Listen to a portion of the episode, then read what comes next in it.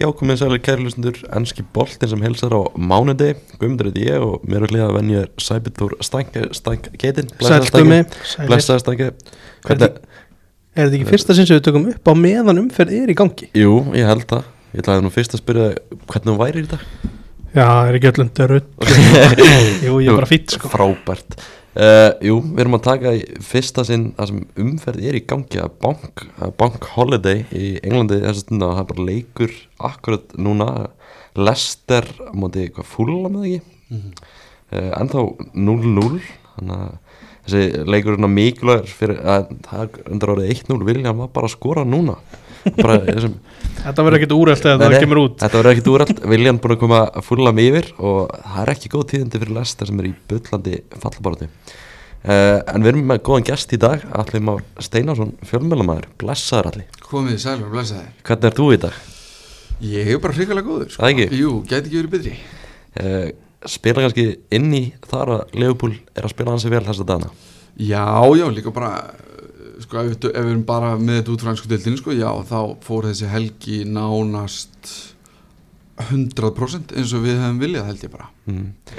Við, við stænkarum báðir United menn. Uh, Við vorum á hlýðaranda í gær og við vorum að fylgjast með Master United Vestam og fyrir nokkrum vikum síðan fyrir stuttu síðan þá vorum við báðir bara, já þetta er komið þetta er mm. en við erum orðinir bransi stressaður alltaf, það er ekki stængi Ég er ekki stressað en það er, það er ekkert gaman að horfa á liði get ekki neitt Nei, þetta er Það er náttúrulega aðalmáli sko. Er því ég alls horfði á saman, hann að leiki í gæði líka og bara, og ég horfði á hann með tengdaföðu mínu sem er United maður.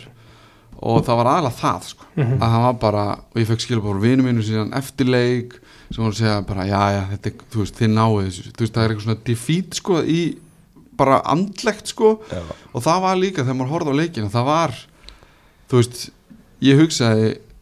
ok, það er bara eitthvað s- stemningin hérna eða bara, ég veit ekki hvort er muni, ok, kannski jafnaðir, ég veit ekki, en ég sé ekki hvernig, það væri Mm. þá einmitt tekur Rashford eitthvað hlaup tekur Brúna eitthvað skot fyrir utan teg ég veit ekki, þú veist, en, en það var ekkert sem bendi til þessi leiknum sjálfum einhvern veginn að það væri einhver andi það væri einhver svona, þú veist það var bara eitthvað, það getur svona höft en pöft allar 90 mínútur og það myndi eiginlega ekkert gerast sko. já, máli var það að þetta var einhvern veginn bara mjög þægilegt fyrir nokkrum vikum síðan en ég er núna bara að tapa tveimur deildalegjum í röð mútið Brighton og Vestam uh, báðum á útvelli. Og staðan er bara orðið þannig að orðin er orðin greiðalega spennandi. Mm -hmm. Liverpool er núna allt í henni einu stíu eftir United og svo er Brighton þannig líka að hvað tvo leikindi góða og eru átta stífum á eftir. Þannig að þeir geta þeir í tvö stífum með því að vinna leikinu sem þeir eru inni. Uh, fyrir kannski bara í Liverpool sem vinnur Brentford 1-0 um Mhm. helgina. Hvað hefur eiginlega gerst hjá Liverpool? Að í svona, svona fyrir svona fram að þessu rönni sem þið farið á núna þá var þetta bara óstöðuleik Já, og sko ég held þú veist það sem hefur náttúrulega breyst ef maður á að reyna að pinponta á eitthvað svona sérstætt sko, að miðan hefur náttúrulega verið fræðileg alla þessi leiktíð. Um, og út af einhverju sem að ég get ekki alveg endilega útskýrt að það ákveður bara klopp að taka þessa breytingu þar sem að Trent byrjar að taka þetta inverse uh, fullback hlutverk. Mm -hmm. og þá ertu allt í hennu bara komið með mögulega topp tvo sendingamann í deildinni inn á miðju. Ég myndi segja þessi hann og Kevin De Bruyne sem geti sendt boltan betur. Þetta eru miklu fleiri en það er náttúrulega algjörlega galið hvað Trent er ógeðslega góður í að senda boltan og auðvitað eins og Konati sagði í ykkur viðtalum daginn ég þarf að hlaupa meira, ég er aðeins þreyttari en ég sá eitthvað start eftir leikin á móti Brentford og síðan 9. apríl þá er Trent sko nummer 1 í einhverjum fár einhverjum sex kategórium Ég er að horfa á þess að tölfræða núna sem þetta tala um sko. Þetta er hvað stóðsendingar, sköpu færi sendingar á vallarhelmingi anstæðings þarna að komin í teig, vinna boltan snertingar, hann er efst að setja í öllu þessu. Já, í deildinni sko, Já. ekki bara hjá Liverpool þannig að þú veist það er náttúrulega klárlega eitthvað sem hefur breyst. Við erum, líka, við erum að tala um þannig mann sem var búin að vera bara hillum horfin eða allt tímabili hann var búin að spila bara, þú veist, ég held að það sé bara held ég svona frekar almenn vitneskja, hann var búin að vera frekar slappur að sem á að leiktíð uh, eins og bara náttúrulega allt liðið, skilur við mig uh, en hausinn, ég þú veist, ég meina að maður getur talið upp einhver hluti sem að Klopp er líka búin að telja upp og þreita og hvernig sem það er en hann bara var ekkert að spila vel og þegar að einhvern veginn hvað, ég held að hann hafi verið með tvær stóðsendingar fyrir 9. apríl eða eitthvað, þú veist, og hann er búin að ég held að það sé með sjö, nú, þetta er eitthvað fáránlegt það breytist bara eitthvað algjörlega upp úr þessu og líka bara, það er einhvern veginn eins og var alltaf verið að tala um hægri vangin, Sala væri alltaf að, að faðma hlýðalínuna að því að það var einhvern veginn reyna að vera, veist, meðan öll komin einhvern veginn ár whack og hendur lappinnar og honum er, veist,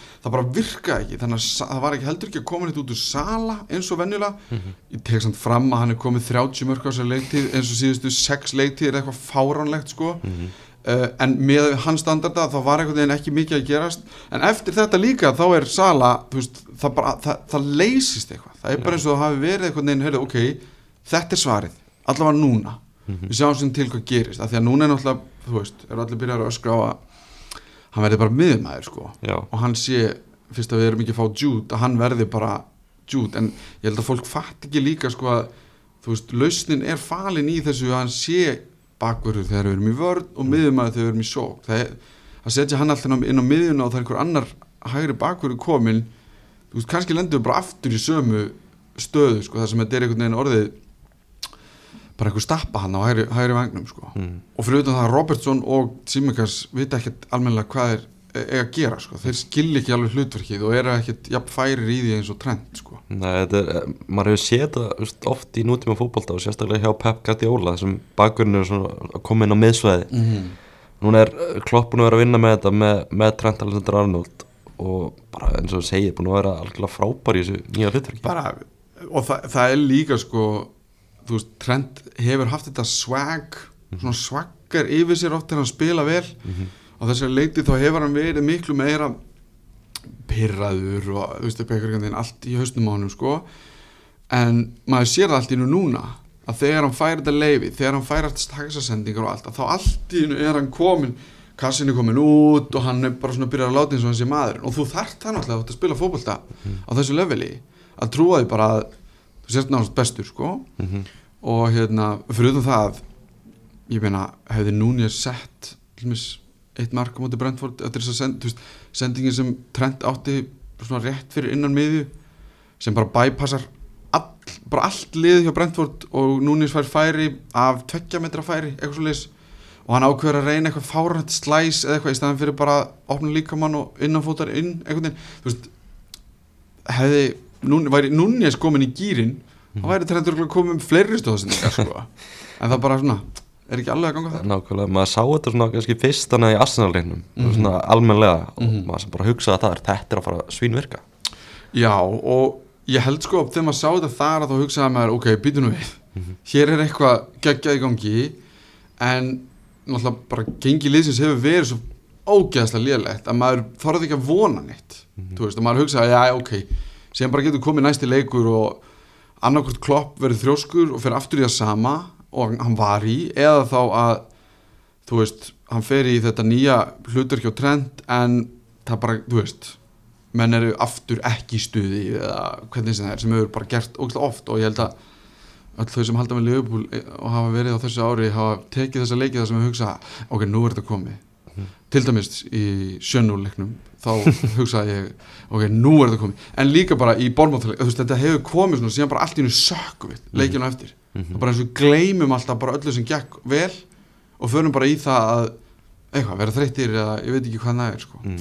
er, er þetta stæsta breytingi núna bara, menn hafa fundið svona einhvern bara stöðuleika með Trent Alexander á miðinni Já, og líka, ég meina Jones er búin að spila alla þessa leiki, hann er búin að byrja það á alla það er bara stöðuleiki á miðunni Mhm. ég held að Fabinho hann, veist, hjálpin sem berst í veist, það er bara fleiri í þessu hlutverki sem að Fabinho hefur ekki verið að valda Mhm.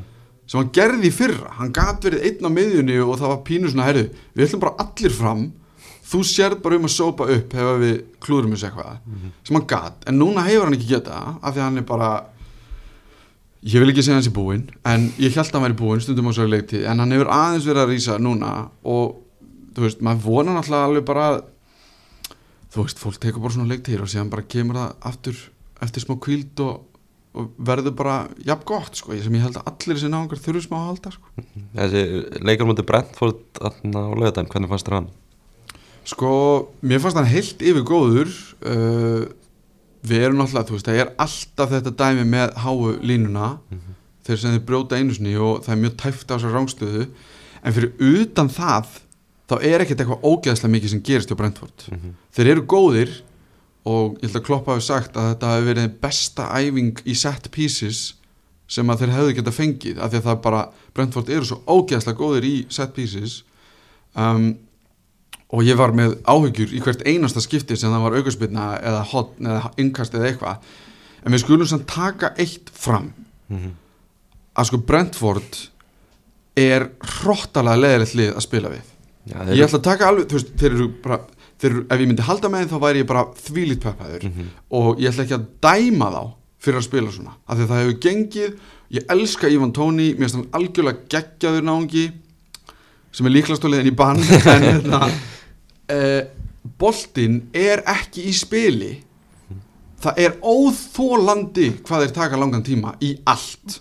Og öll innkust, all, allar hotspinnur all, allar aukarspinnur þetta verður allt, þú veist, þeir setja upp í set piece frá hverju einasta og sem fekk allir svona guldspjald fyrir að tefja, þú veist, þeir verður að vera of lengi að taka einhverjum á, á markspinnu mér fannst það algjörlega galið, en fyrir utan það þá hérna fannst mér við bara, þú veist, hefði Núnis klár sitt færi, hefði Gagbo skorað úr sínu færi það hefði þetta verið miklu þægilega sko. Mm. en uh, svona, svona í endan þá var þetta aðeins oft tæft fyrir svona mína parta en heilt yfir held ég bara að, að þetta var svona nokkuð þægilegt sko bara með að maður horfir í gæði færana þá átti Leopold bara að vinna þennan leik 2-0 hefði bara verið sangjant já, ég held það Brentford skapaði ekkert í leik sko. Nei, í raun ekki og þú veist, nema, náttúrulega bara þessi set pieces sem er alltaf smá eins og einhver döðafæri Já. eða þú veist, að því maður er bara hvað er að fara að gerast hérna líðu þannig að það kom ekkert upp sko. Nei, það er nefnilega máli sko. þannig að hérna og ég horfði á Match of the Day til dæmis og þá,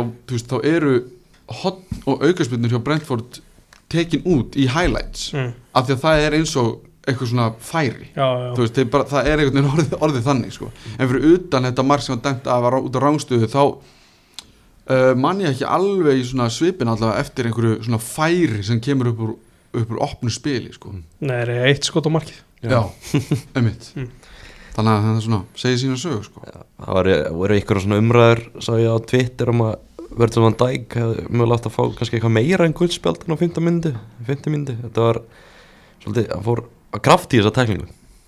Býtum við, nú verður það að upp fyrir mér Ég man ekki hvað þetta var. Að þetta, þetta var, ég veist alltaf að United menn voru eitthvað að væla yfir þessu að ég og United menn eru nú bara upp í einhver strá núna sko. ég- ef Casemiro hefði farið í þessa tæklingu svo þá hefði hann fengið raukt spjald og verið að vísað úr landi. Já, já, ég held að Virgil komist oft upp með hluti sem aðri ger ekki sko Mér persónulega fannst þetta ekkert meira en guldspjald sko. Já, ég verða við ykkur, ég bara man ekki hvernig taklingin eða hvernig brotið var, þannig ég get ekki sett til það það segir auðvitað bara mikið um það sko. Já, þetta, var, ég- þetta var bara kraft mikil tækling og öskundaði guldspjald fannst mér sko. Já, það, og þá er það bara, ef þú ert Já. bara, tekið því sko Já, klálega en, ég veit ekki sem hvað þeir eru að tala um, sko. það er svo ekki eftirminnilegt sko. en eins og þú segja á hann þessi, maður var bara að pæla fyrir nokkru vikum bara Liverpool er bara að fara í Conference League eða Europa League og svo Mhm. bara allt í einu það er, þið er núna þrjáleiki eftir. Mm. og þið eru bara komnir í þessa barðu hvernig er bara svona stemningin í þessu fræga Liverpool samfélagi núna? Ó, en ég bara geggið, sko, ég get alveg sagt ykkur það. Það er bara eins pyrrandi og það er örgulega að heyra það Þá, sko Ég, ég held einhvern veginn að einmitt, þú veist, þegar þið voruð að hugsa að þetta er komið mm þá vorum við að hugsa, ok, er ekki bara betra að vera ekki í Evrópu? -hmm. þú veist bara, þessi leiktíð er búið að vera náttúrulega bara þú veist, ég veit ekki hver þú veist, ég, ég kom inn með Sola í byrjun leiktíðar, ég meina, og við vorum að reyna að spá aðeins fyrir hvað það var algjör Ok, veisla. það var algjör veisla. Og ég vil náttúrulega taka fram að, að það er alveg hægt að fara í það og hanga með á fullt af hlutu sem ég það eins og að Haaland myndi ekkert fara í gang og allt. En ég meina það bjóst náttúrulega engin við því að hann myndi vera jafn mikil vél og hann er. Allt í góða með það. Uh, ekki jafn mikil vél, ég sá, ég sá þetta king sem þú tókst. Ég bjóst ekki við að myndi kannski bara slá þetta með bara fyrstu leiktíð manstu upp að tímabil sem vorum að allir að tala um Núnes og, og, Núnes og Haaland. Já, bera, bera það saman Já, sko. já. Haaland er bara complete product. Hann er bara, veist, hann er bara komin meina, og náingin er að fara að gera þetta næstu tíu ári er, ég, ég fatta mikið hvað það segja. Bjóst einhver við því að hann er svona góður? Ekki, þú veist, Ekki að fyrsta ekki á tímabili fyrsta tímil, ekki svona ógeðslega góður. Það er algjörlega galið að horfa á þetta Það sko. er ótrúlegt dæmi sko. En hvað sem því liður að þá hérna þú veist, voru að spá eitthvað út í leiktíðina og við höfum, þú veist, það, var, það voru engin teikn á lofti að þetta myndi fara svona. Nei, það, það voru allir að bóka það að Liverpool var allir að fara í mistaröðlina sko. já, ég meina, þú tekur ekki tímabil eins og við tókum í fyrra þar sem þú að keppum allt og fer sann í tímabil þar sem þú er ekki að keppum neitt Nei, í rauninni nema þetta, þú veist, meistaradildasæti núna. Mm um, þannig að þegar þið voruð að hugsa þetta, þetta er komið þá held ég að við, þú veist, ég sagði ég vil freka bara ekki, þú veist, ég ætla ekki að taka NBA á þetta og bara, hérna throw the game, sko. En ég nefndi ekki að vera í conference league, sko, þú veist, það er, það er betra að fá bara frí, einhvern veginn um, síðan þegar þetta gekk aðeins betur og þú sagði, ok, bara Europa League það er bara geggjað, ég kloppa á eftir að vinna það. Við fórum í úslitin í fyrst, á fyrstu leiktíðin sem hann var og töpum á móti Sevilla Mhm. sætla minninga og hérna þú veist, en síðan allt í hennu bara einhvern veginn klikkar þetta og ég held að trúin fara á stað og það er ekki meir en tvö ár síðan að við upplifum Alisson að taka skalla veist, skóru skalla eftir hotspinnu og við komumst í meistradeldinu út á því Þa, Það var náttúrulega, það tímabil komist þið svona baktir að megin og svolítið erfitt, erfitt tímabil. mjög erfitt og einhvern veginn einmitt náðum að ná vopnum okkar í blogleiktér og taka þessa keislu þannig að veist, this ain't our first rodeo sko, eins og einhver sagði. Uh, þannig að ég held sko að pressan er ekkert á okkur. Mhm. þú veist líka, það veist, við höfum þrjá leiki núna. Þeir eru út í Barcelona sko, liðið. Þeir eru bara, ég sá einhverja mynd af þeim bara á pubnum, Mhm. bara í einhverju góðu glensi. Liverpoolið? já, Eru bara í frí, já, Já. frí núna. Þeir bara eru að taka smá break. Mhm. að þeir síðan sko eiga þeir uh, þrjáleiki og það er held ég að minnstakosti vika á milli þeirra allra.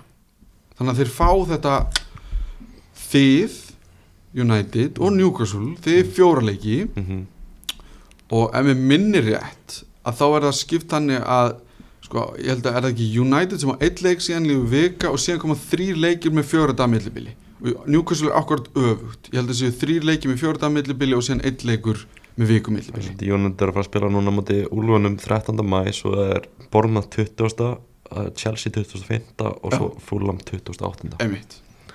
þannig að þú veist og notabenni það er bara algjörlega geggja fyrir okkur sko. mm -hmm. Við höfum Aston Villa á heimavelli ef mér skjáttast ekki Þess að ykkur til Lester næst mm. útivelli já, 15. mæ og svo eigið þið Aston Villa heima 20. mæ og slagast að leið deildarinnar Já. úti 28. mæ einmitt Það síndu þið samt í sásvipuna að þú var bara við erum búinir að vinna. Það ég, er ég ætlaði að segja það sama Southampton er, sko, ég meina er Southampton vann City Eh, að að þessum, þessum tímpundi verður Southampton falli úr deildinni. Já, já, já, og þú veist, ég veit ekki hversu mikið fætt verður eftir því uh, og fyrir okkur verður þetta mjög mikilvæg leikur, þannig að ég ger ekki ráð fyrir því að menn mæta eitthvað undir peppaðir í hennar leik. Um, og ég horfði á leikin í gær uh, Newcastle Arsenal og uh, West Ham United. Mm. og ef að United menn eru þreyttir núna Mm og þeir eiga Wolves sem eru bastardar í hvert einasta skipti Já. að spila við sem unnu í gær. Uh, nei fyrir dag segi ég.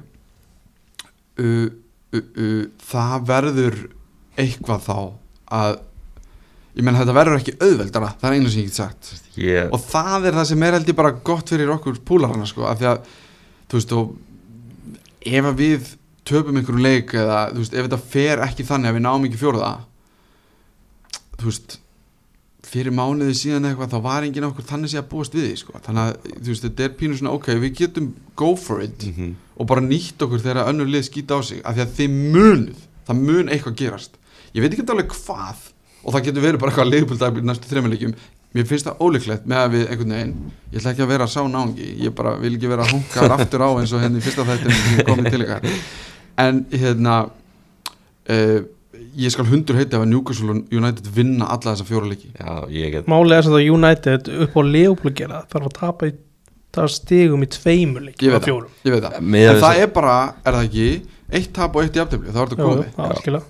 maður, veit ekki hvernig tvö jættabli er mögulega líka. Já, jú, tvö- jú, tvö, já, einmitt, út af marktöku Já, tvö, játefli þá er Jónat þremistum undan. Og Leopold er með miklu betri markatölu Já, Liverpool Já, með já. 25 pluss Manchester United með 8 pluss Úf, þetta 8 pluss þetta er ekki lægi sko. allavega líka með að hvernig Liverpool er að spila akkurat núna Mm. þá er þetta bara ógislega skeri ég ætla aðeins að stoppa hana veist, ég veit að þeir eru búin að vinna sex í röð mm. fimm af þeim er með einu marki Mm. Þetta er ekkert eitthvað mest samfærandi það, sko. en við sögum samt þessum með Brentford á hann. Mm. þú veist, þetta það er var samfærandi Já, og, og hérna, en ég er alveg sammálaðið Mm. og veist, þetta hefur ekki verið eitthvað svona gamla Liverpool sem er bara valdi yfir einhver lið og spila ógslag vel og eitthvað það er styrkur í því að grænda sér sko.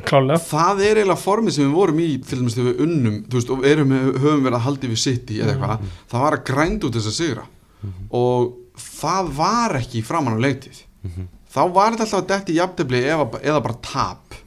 Já, og hausin að fara á, veist, þetta var alltaf einhvern veginn þannig, núna er einhvern veginn smá eins og þú veist, maður fer inn í leikina maður fer að horfa á leikina og hugsaðar ok, ef þeir skora þá held ég að þeir muni samt ekki, sko, hausin mun ekki detta niður, þeir munu að við erum líka komni með sko Díaz tilbaka holy moly hvað þessi náingi góður í fótboll já, já og þú veist, og hann er bara búin að vera úti alla leiktíðina. Jota er eigið hann tilbaka. inni Já. Sjótaði líka kom sterk út baka. Svakalega sterkur tilbaka og þegar maður fyrir að hugsa út í það og Gagbo er búin að vera miklu betur en ég þorði að vona. Búin að vaksa alveg mikið. svakalega þannig að þú veist í síðasta leik veit ekki alveg hvort það var góð ákvörðin og Klopp að láta það bara alla fjóra inn á. Hann byrja með Jota, Núñez uh, Sala og Gagbo og maður hugsaði ok, hvernig ætlar hann að stilla þessu upp? Og Gagbo smá týndist þannig í svona hluturkinu sínu sko. En þegar hann breytir hans til þú veist, ég held að hann sé að pínur en átt að sagði ok, þegar ég er með alla heila, hvernig ætla ég að gera þetta? En hérna sko bara Díaz bara fá hann. Það bara, fyrir utan það hvað gerir er bara gaman að horfa á Liverpool spila Ógeðslega skemmtilega leikmaður. Ógislega skemmtileg leikmaður, hann er svo direkt hann er alltaf að keira á hann er með fler og við erum, við erum líka að tala um hann er kannski í 70% núna. Mhm. þú veist, hann er að koma tilbaka úr meðslun sem eru bara ekki næs. Mhm. lélegu leikfór, veist, hann er bara hann þarf að komast að maður, næsta leiktíð er það sem ég horf á Díaz að fullum krafti. Og Jó- Jóta líka. Af því að þú veist svona satt, ef maður var alveg hreinskilin framan af þegar Jóta var að koma inn maður hugsaði, ok, hann er að setja hann inn af því að Núñez er ekki alveg, þú veist, Núñez venjulega leiðans klopp er að kaupa leikmenn og þeir byrja ekkert að spila strax. Mhm. en sem bara var það þannig að, herðu, þú verður bara að hoppa beint inn í liði uh, þannig að ég held að hann hafi verið pínu að nota þessi tækifæri eða nýta tækifæri og setja Jóta inn taka Núñez út sem að fólk var aðeins að spyrja spurninga út í. Jóta var ekki góður, sko ekki, þú veist, hann skoraði Mhm. en f- ég man ekki sko hvaða leikir þetta eru nákvæmlega en allt í hennu skorar hann tvö mörg en framan af leik er hann bara búin að vera frekar slappur, gefa boltan frá sér tötsi lélegt en síðan bara með svona náunga held ég að síðan bara allt í hennu er það á réttum stað og þegar þeir finna tötsið að þá allt í hennu bara byrjar að skora. Já, og það er svo ógæðslega mikilvægt sko. það er náttúrulega held ég það sem að hefur líka trend breytir en líka bara allt í eru allir þessi náunga komin inn. Mhm. og þá allt í Gagbo er búin að læra hluturki að pressa þú veist, þetta- allt í hennu byrjar einhvern veginn allt smá að verða aðeins betra sko. líka bara að verða sjálfströst Það er- fyrir þetta það? Já, það er svo mikilvægt í fótbolta. Já, Sjálfströst Við varum að tala aðeins um búin að vera mikið legu, búin að höldum það aðeins áfram. Já, nýju leikir á anfylgduröð sem að Sala hefur skorað. Aha, 100 mörg aha. Þessi gæi. Þetta, er lél, þetta var búið að vera lélegt tíðanbíl Ég veit það. Það Þess að er sagði ráðan lélegt tífumbil 30 mörg samt. Öllu kemur, þetta er alveg sko, mér finnst sko, ég veit að ég lifi búin ég veit það, en Sala fær ekki kreditið sem hann á skilið sko, Mm. það bara er þannig. Hann er í fjóruðarsæti núna í markastu leikminni deildinni og við tökum þetta bara sem bara vombriða tífumbil Ég veit það. og sko, hann er markaðist Egypti frá upphafi þá er engin Egypti skorað fleiri mörg Mhm. eitthvað svona í þá einhverjum keppnum, eitthvað svona, þú veist Mhm. um, hann er alltaf komin í fimmtasæti yfir all time með Steven Gerrard hjá Liverpool Mhm. hann hefur skorað í deildinni, en bara ennsku deildinni hefur hann verið með 15-20 mörg á hverju einustu leiktið síðan hann kom sem eru núna árna 6 Já, eitthvað svoleiðis. þetta er eitthvað 32 mörg, 22 mörg, 19, 22, 23 og 19 núna. Já, 19 er lægst. Já, 19 er Hann er að fara, lægst. hann er að fara að skora meira en 19 núna held ég núna. Og uh, þú veist það er eitthvað svona dæmi eins og þú veist að segja sko nýjuleiki röð á Anfield 100 mörg eða eitthvað svona. Þú veist það er náttúrulega erfitt með eitthvað svona King Kenny, Ian Mm. Rush Steven Gerrard, eitthvað svona. En ég sé ekki hvernig þessi náungi er ekki komin í Mount Rushmore af bestu leikmunum sem hafa spilað í sögu Liverpool. Já, og mér finnst það vera komin í bestu leikmenn sem hafa spilað í ennsku deildinni. Mhm.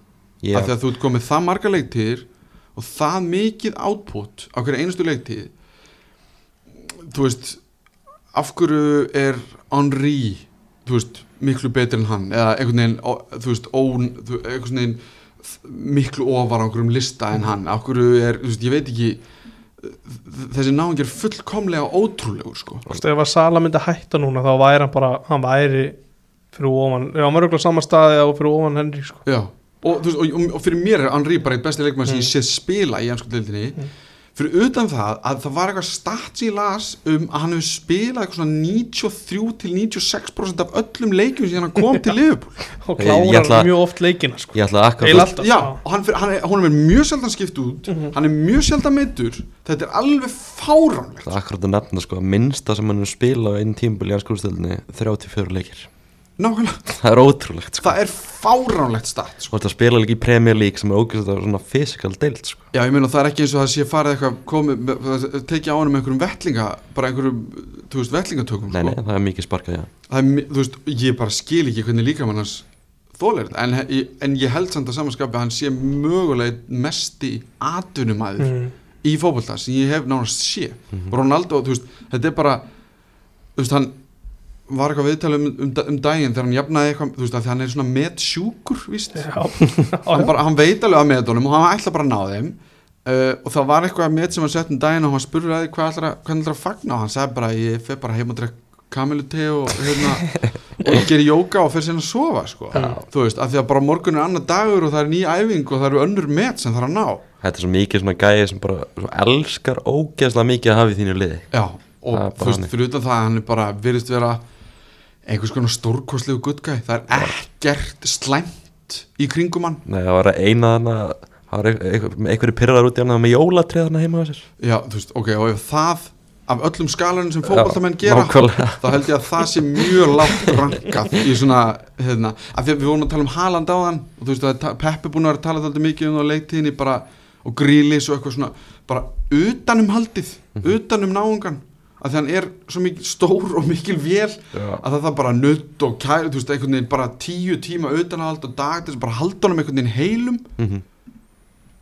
Sala einhvern veginn bara þú veist, auðvitað, minni, það er kannski þarf ekki að byggja hérna oljubera og setja einhvern veginn líka mann hans í stand sko, en ég held að það er, meina, það er algjörlega fáránlegt hvernig hann heldur sér, hvernig hann veist, ég skil heldur ekkit því að hvernig forðar þeir frá því að meiðast Já, þú, að, hvern, þú getur alltaf tókna bara í eitthvað læri eða kálfa eða eitthvað og bara það er ekki að sparki þig sko. Þetta er það bara er fyrirbyggjandi eitthvað fyrir utan að eina, sko, eina alvarlega er náttúrulega þegar bara Ramos í tæklingin í úslítaleiknum Mhm. sko þegar hann fyrir eitthvað aukstin á honum eða akkurat. eða eitthvað, ég man ekki hvernig það var sko. gerði allt brjálað já, er að brjála og Ramos sko.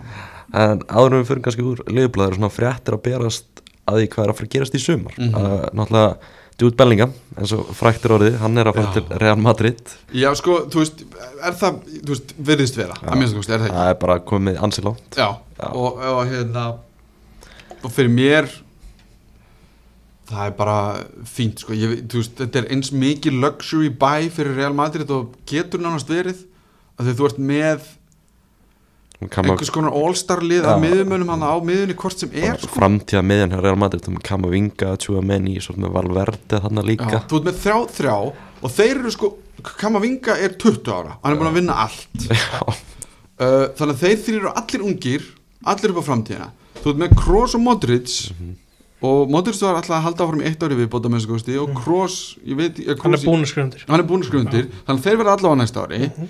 þannig að þú ert með þessa fimm og þú setur Jude Bellingham síðan inn í þetta mix. Þetta er alveg ótrúlega dæmi sko. þá ertu komin í eitthvað svona Avengers Endgame allir hringa eitthvað hvernig sem þetta var hann að demantanir sko. Uh, og fyrir mér fæn, real, takið hann mér er drull. Mér er ekki drull, en mér er drull að þið fáið hann. Bara svo lengi sem að sitt já. hann ekki uh, þú veist, hvernig sem það er ef hann er í real, þá er hann bara ekkert í ennsku deildinni, ég þarf kannski að mæta honum ef það er riðlakefni í ennsku deildinni, nei, í meistaradeildinni eða þar fram eftir göttunum og þú veist hann getur meðist, við getum unni real það getur allt gæst, við þurfum ekki að vera með hann frammi fyrir augunum á okkur alltaf. Já, um, og eftir því sem sko maður veit náttúrulega eiginlega aldrei neitt nákvæmlega hvernig þetta er í gangi en miðað við það sem maður hefur lesið af ástæðanum fyrir því að Leifubúl bakkar út okkur svona að það var held ég mjög mikið af peningum í spilinu og það var verið að drífa sig að gera þetta áður en einhverjar umbásmannareglur fara í gang. Pappans er komin inn í þetta og ég sé, veist, það er bara allt í góðu. Ef, vilt, ef ég væri fótboltamæður þá myndi ég vilja líka bara að pappi minn myndi fá fullt af peningum. Fæn bara gera þetta eins og þið viljið. En við vorum ekki þú veist ef að þeir að þetta er svona sem City og, og Haaland jú, ég kefti hann á 65 ok, bullshit. Kefti hann ekkert á, þú veist, það er einhverja greiðslur til umbúsmanna og Já, eitthvað svona dót sem við bara vitum ekkert af. Fyrir utan það að Leopold er bara með eitthvað weight structure og ef hann hefur sagt bara 350k á viku so sorry, það bara er ekki að fara að gerast. Já við erum ekki United. Ég held að þetta sé bara nokkuð skynnsamt sko. Bara að vera að gefa það sko. Þú veist, og, og, og, þú veist, þetta er sárt að því ég hef hort á hann í svona 2-3 ár. Ég man ég sá hann einhvern tíðan í meistaraldildinni og ég var bara, hvaða ná ekki er þetta? Tjóðlega er hann ógeðislega góður. Og þá hugsa ég, heyri, það var geggja að kaupa þennan á 30 miljonir eða eitthvað. Sem bara hefur hann bara auðvitað betri. Og þá verður þetta pínu en þú veist, þetta er náttúrulega skýta hjá eigendunum, þú veist, þetta er allt eitthvað svona, þú veist, svona planskýta, þú veist, það er einhvern veginn allir ráðni gýraðir fyrir því hann komi það er búið að hiti þetta svo svakalega upp. Mhm. að það er náttúrulega mesta skýtan, finnst mér. En viltu samt e- ef þetta er bara eitthvað svona sirkus í kringum hann eitthvað svona eitthvað að fára í gangi eitthvað Mbappe Nei, veist, ekki alveg það já, level skilur en level fyrir neðan Já, í einhverju, einhverju bulli í kringum kaup á leikmanni. Mhm. viltu að félagið taki þátt í alls, alls ekki. Þannig að þú veist, þess að þetta, væri svona þannig séð komið Mm. að þetta væri bara, heyrðu, við semjum um 110 miljonir Ja, punta, akkurat. hann kemur klift og skorið, Mm. búið Mhm. en síðan þegar þetta varð allt í einu svona einmitt gruggugt og einhver vittlisa virtist vera, að þá allt í einu var maður svona eitthvað, oh, ok hann er ekkert eitthvað ég vil fara til Liverpool sama, þú veist, allt þetta sem Mm. hann búið að einhvern veginn skrifa um eða tala um sem hann náttúrulega hefur aldrei náttúrulega sjá, sagt, sjá- sagt sjálfur Nei, Nei. og þú veist, þú ert með Carragher, þú ert með þú já. veist, að segja einhver svona hluti Mhm. og þá peppast þetta upp eins og að sé einhvern veginn, herri, það vita allir einhvern veginn á baku tjöldin hvað er að fara að gerast, við erum bara að býða eftir tilkynningunni en síðan allt í einu virðist bara vera nei, hann vil, þú veist auðvitað, hefði Liverpool borgað hann alltaf þessa peninga og allt þetta, já, það er nörgulega vilja koma þanga meir en kannski eitthvað annað ég veit það ekki, en ég meina það er ekki eins og hann sé eitthvað grátandi í kottan sinni yfir því að fá ógeðslega mikið af peningum og fara að spila fyrir Real Madrid, sko. Nei, nei. En af hverju líka ætti að semja við hann þú veist, gefa hann sömu laun og sala eða eitthvað? Mm, hann hefur ekki gert þetta. Ég veit. Hann hefur ekki gert sömu hluti. Það er nefnilega máli Já. og þú veist, og, þú veist þetta er náttúrulega einhver mesti sell high. Bara Að náungi akkurat núna sem, þú veist, hann getur ekki maksað mikið meira hvað pappans fær ef að þetta er þannig og hvað hann fær í laun og eitthvað. Einu sem ég held, ég held að ég, þú veist, ég las einhvers staðar að þú veist, hans plan hefði verið að fara, að fara til Liverpool og fara síðan til Mm. Real. Af því að þú veist, hann er náttúrulega hvað, 21, 22 eða eitthvað, Aldrei spilaði í Premier League. 20 ára Nei, Já, þú veist, hann er ekki eitthvað. tvítuð bara. Já, Ég held að sé nýjónum tvíður Já, þannig að þú veist, ef þú fyrir til Real núna ertu að fara að vera þannig bara í næstu 15 ár er það bara máli? Það verði hann í fimm ár Já, Já. en hvert fyrir hann þá? Hvað er næsta það skref? máli Það er bara eitthvað frítransfer og hann bara ræður Já, og þú veist, og þá kannski segir, herru, ég vil fara í ennsku deildina Mm. Mér langar til að hérna, prófa að reyna að vinna hana eða hvernig sem það er og þá kannski bara gengur þetta einhvern veginn upp hvort að klopp verði þá þar, veit ég Mm. ekki mér, finnst- ég efa það, en hérna svona, meða við allt og allt eftir fyrsta höggið þegar kemur í ljós bara að svona næstu tilkynningin við erum hættir við og allt brjálæðið sem kom í kjölfærið af því að það voru allir svo ógeðislega til í þetta og heldur bara að þetta væri að fara að gerast og svo komið þetta bara allt einhvern veginn bara einu kvöldi bara, bara einu kvöldi og allt í einu bara fær maður eitthvað svona högg í magan af því maður búin að gýra sér svo mikið upp í að hann væri svarið og hann vildi svo koma og Jude og nummer 8 og Jarrah, þú veist bara you name it sko. menn voru bara tilbúinu með tí, tístið bara hey Jude bara 100% ég meina að lægja hans er bara tilbúin sko. en hérna um, þá og síðan fyrir maður að lesa meira pæli meira að þá svona hugsa maður ok, við þurfum fleiri við þurfum fleiri breytingar hópnum, við þurfum fleiri leikmenn inn og þá dög, þú veist, Jude er ekki að fara að bjarga þessu liði upp á sínu eigin spýtur. Við, þú veist, Milner er að fara, Keita er að fara Oggs er að fara uh, ekki gleyma Arthur Melo. Arthur Melo er að fara. Þú veist það losnar fullt af laun fyrir mínu að fara. Er að fara. Er fullt af launum sem losna. Við erum að tala um sko veit, þú veist, mjög mikið af þúsundum punta á viku sem hægt er að í, í einhver svona launaþæki sem losnar. 100 100.000 punta. Já og hérna að því ég meina það gleymist Keita er á bara mjög góðum samning uh, óverðskuldað góðum samning. Þannig að þú veist það er fullt að, losna og það vantar sko segjum sem svo að trend færi sinna miðuna ef að það verður bara svarið. Ok, þá þurfum við hægri bakur því að Ramsey sem hann keftur í fyrra rústa á sér hnénu og þurfti bara að fara í aðgerð og maður veit náttúrulega aldrei hvernig það kemur, þú veist, hvernig þeir koma tilbaka. Þannig að hann er ungu náðingi sem heitir Conor Bradley sem er í láni sem að þú veist, en það er allt svona eitthvað, veit ekki hvað kemur úr því. Um, Kona, Virgin, Virgin van Dijk orðin þegar James House Konate næri ekki að halda sér alveg heilum bara mjög margar leiki í röð Matip ekki heldur þannig að það þarf eitthvað að pæla í vörninni. Um, miðjan náttúrulega. Eini staðin sem við erum bara herrið, við þurfum ekki fleiri er frammi, myndi ég halda. Mhm. svona ef allt gengur eftir, eftir, eftir bara svona áskum sko. Þannig að þú veist það þarf og ég meina ef, við- ef að maður kallist til mis ef að það eru segjum 60 miljónir pund up front og einhverjar, þú veist, ef þetta er 80 miljónir pakki heldina pluss einhver laun þú veist, þú veist þetta er svo fáranlega peningur. Það þú, meina þið vitið það líka sem United mm. menn sko að De Gea sem gerir mistökin í gær ok, nýjum markmaður ok, fæn, hvað kostar það mikið?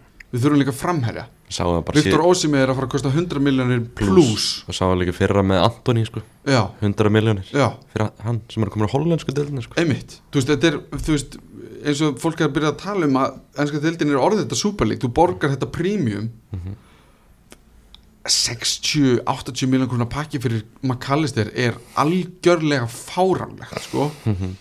uh, en ég meina markaðarinn er bara markaðarinn, það er ekki þetta að gera því nema þú finnir bara, ég myndi bara kaupa þetta skátlið hjá Brighton fyrir fucking 60 miljónir punta eða eitthvað og bara fá þá yfir eða bara pen, öllum penningnum í það Já, ég meina þau virðast finna þess að gimsteina út um alla trissur Mhm. af því að þú veist Casado er náttúrulega bara það lið sem fær hann hann er bara, fyrir mér liður eins og hann sé næstu kanti sko. Mm. Það er og bara, maður sá bara hvað kanti gerði fyrir Chelsea. Og hérna og fyrir þetta, að þú veist svo er það að finna bara eins og en, en síkó Já, sem ég bara, heyrðu, hvaða náingi þetta? Okkur bara er hann að skora einhver langskot fyrir utan teg og lítur óksla vel út og einhver, einhver hérna, argentínski átján ára náingin hérna, sem er á miðjun búin að að nótti Já, sem er bara að byrja í, í leiknum. Og náttúrulega besta dæmi er örugglega Mitoma það kemur Mitoma, 24 ára frá Japan. Einmitt, veist, og maður er einhvern veginn svona byrju, eru þið með eitthvað annað skát net en all, öll önnur lið í deildinni, okkur finnið þið þú veist, okkur, vor, okkur var liðupúl ekki að fá eða, eða, mér er alveg sama hvaða lið en okkur var ekkert annað lið einhvern veginn orðað við þessa leikmenn, okkur vissum maður ekki eins og af þeim áður? Mhm. hvaðan, finn, hvaðan koma þeir? Þetta er það er óþólandi sko. Mm. og selja það síðan fyrir fáránlega mikið penning sko. málið sko, Brighton mun örgulega græða helling í sumar sko. Já, ég menn, og sko ég hugsa alveg eins og einhver sagði í kringum þetta með Kallistu dæmi þú veist, það er auðvitað að tala um að hann vilji fara ok, þú veist. Það er bara sagt 100% að Já, það er sagt 100% Casado náttúrulega er virðist vera frekar fyrirlegu kart sem bara segir dálítið mikið eitthvað einhverjum viðtölum. Gæti að vera að hann kunni ekkert sérstaklega góð ennsku Ég hugsa það, þú veist, getur það verið vandamáli hann sem spurður bara, heyrðu, hvernig líka er við Real Madrid eða hvernig líka er við Arsenal? Og hann segir bara, ég elska bara, og er bara komin einhvern veginn alveg í eitthvað svona rugl, sko, og það er þýtt eitthvað farlan hátt, af því að það getur ekki verið að hann vilji bara spila fyrir öll önnur lið en veist, og svo skrifa hann undir nýja samning. uh, Þannig að, þú veist, en það, það verður erfitt fyrir Brighton að replacea þessa tvo náunga. Mhm. af því að þeir eru svona með bestu, bestu miðumennum í deildinni finnst manni. Og sérstaklega bara þeir tveir saman. Þeir spila ógislega vel saman. Um, og þeir tveir geta ekki auðveldlega sótt kannski 150-60 miljón punda fyrir það báða? Jú, Það er alltaf örgulega eitthvað norðan við 100 sko. Já, að ég meina ef að Cassetto fer ekki fyrir undir 80 getið ég trúa, af hverju ætti þeir að gera það? Hann er á nýjum samning, Já. ekki nema að sé eitthvað ákvæði einhver staðar, þá skil ég ekki af hverju þeir ættu að þú veist, ég meina þeir seldu kukurei á 67 miljonum punda, sko. Það var eitthvað bilað peningur sko. Já, en þá ættu náttúrulega að díla við Chelsea og það er kannski annað, annar kapitúli Það veit aldrei hvað gerist að tótt bóli sko. nei, það er málið. Og hérna, en, en þú veist, samt það væri ég held að hrækamannir séu að sitja um Brighton. Já, og okkur ætti United ekki að reyna að fá Mitoma eða Mm. Ensino Það væri sko. eða- Já, þú veist, það væri bara- ég meina þá allavega ætti koma með kantmann sem virkar. Já, ekki hérna Sancho sem að eða þú veist, ég meina af hverju ekki? Hann gæti fyrir, fimm- þú myndir henda 50 miljonum í Tóma já. Eða eitthvað, ég veit ekki ég meina, Ég er mjög ánægð með það. Þú veist, það, ég meina, þú verður samt að tala um 50 miljonum fyrir mann sem er kannski búin að vera eina leikti í deildinu og mann er bara svona, já, það er bara góð kaup. Já, en hann er, mér það Já. geðveikur sko mér finnst það geðug, ég er bara að tala um peningin sko, að einhvern veginn þetta er allt Þetta er bara svo- heimurinn sem við lifum í dag. Já, þannig að þetta er allt úr í skjút en það gerir það verkum að þetta komið í þetta í hennan vermiða þetta verðbíl þar sem að einmitt, ef þú þarft að gera fleiri en einar tvær breytingar á hópnum þá ertu komin í smá boppa ef þú ætlar að reyna að fá byrjunaliðsmenn í þessa stöður. Mhm. af því að ég held að United gerir samning við þetta hér og hafa hann áfram af því að þá losnaðir við að kaupa einhvern annan, þú veist, ræja til dæmis sem við verðum að tala um hjá Brentford. Hann er auðvitað svona 30 miljonir eða eitthvað, ég veit ekki alveg hver markmannskalin er Það er Örgulega meira. Já, Það er lagi, því- af því þeir geta alltaf sagt bara já, við þurfum ekki að gera þetta. Nei, gefa okkur bara peningi sem við viljum þá getið þið fengja já, og þá er það bara ok, hérna er þetta bara endar í 40 miljonum punda eða eitthvað. Og það, veist, þannig að þetta verður allt ok, hvað vantar framherja og veist, þetta verður allt svo ógeðslega skringilegt. Mhm. og menna, ég var úrslega mikið, til í Guardiol. Mhm. það er geðveikt. Það eru bara 100 miljonir þannig að það er bara, já, nei, við þurfum að hérna fyllir þessa hérna stöðu og þessa hérna stöðu og síðan kannski á næsta ári þegar við erum búin að sapna eða whatever, þá kannski förum við Guardiol eða eitthvað, Mhm. ef við erum ekki Chelsea eða whatever. En talandi þessum Brighton, þeir eru að sækja þinn mann, James Milner. Já, veistu það, ég er bara sáttur. Mm. Já, mér finnst, eða sko Mér finnst mjög leðalt að missa af því að hann er bara svo karakter, bara geggjaður geggja að hafa hann í klefanum og eitthvað svona Mhm. en ég meina maðurinn er náttúrulega bara eldast í metið mm. Barry og ég held að hann fái bara náttúrulega alltaf minn og minni sen sko meina telur það ef hann kemur inn á sem varamæður, Já, já, er það, ekki? það tilur Það telur og ég held að séu mun meiri líkur á því að það sé hjá Brighton heldur en Liverpool Mhm. um, já, ég meina samt sko, hann eiginlega kemur eiginlega alltaf inn á með einsta leik, Já, hann klárar eiginlega alltaf leikina. Pælið samt við næsta tíðanbili Já. Finnst ekki að vera gott hjá hann. Ég held það, hann er að verða 37 ára. Það var orðin 37 ára. Hann er orðin 37 ára. Verða 38 þannig að hérna, og ég man nú ekki hvað hann á mikið eftir í, í, í metið hans Gareth Barry. Nei, það er eitthvað. En það er alveg, þú veist, hann Já. þarf alveg að Hann- vera involved í alveg freka mikið að leik Það ekki 2-3 tíðanbili á núna? Jú. Bara sem svo Lallana sko. Og ég held að það sé bara fínt. Hann kveður hann samt ekki sem góðsögn hjá Leopold. 100% hann er mögulega besta frísæning allar tíma, Mhm, allavega hjá félaginu. Mhm. en hann kemur, hann er búin að vinna allt. Já, bara Og- búin að vera ógislega góður. Ógæslega góður. Og fyrir utan bara hversu gott er að eiga svona, sko, að þið við mér langar nú alltaf til að tala um United líka. Mhm. ekki endilega bara Velkomin. en sko, það sem vantar náttúrulega í United oft er einhver svona náungi. Mhm. Sem er bara með anda sem er bara old school fótboltamæður sem bara einhvern veginn það er ekkert kjaftaði Mhm. og hann getur sett, Klopp hefur sett sko, Milner spilað bara vinstri hægri bakvörð miðjumann, veist, hann er bara út um allt, hann bara, hann spila bara þær stöður sem hann þarf að spila.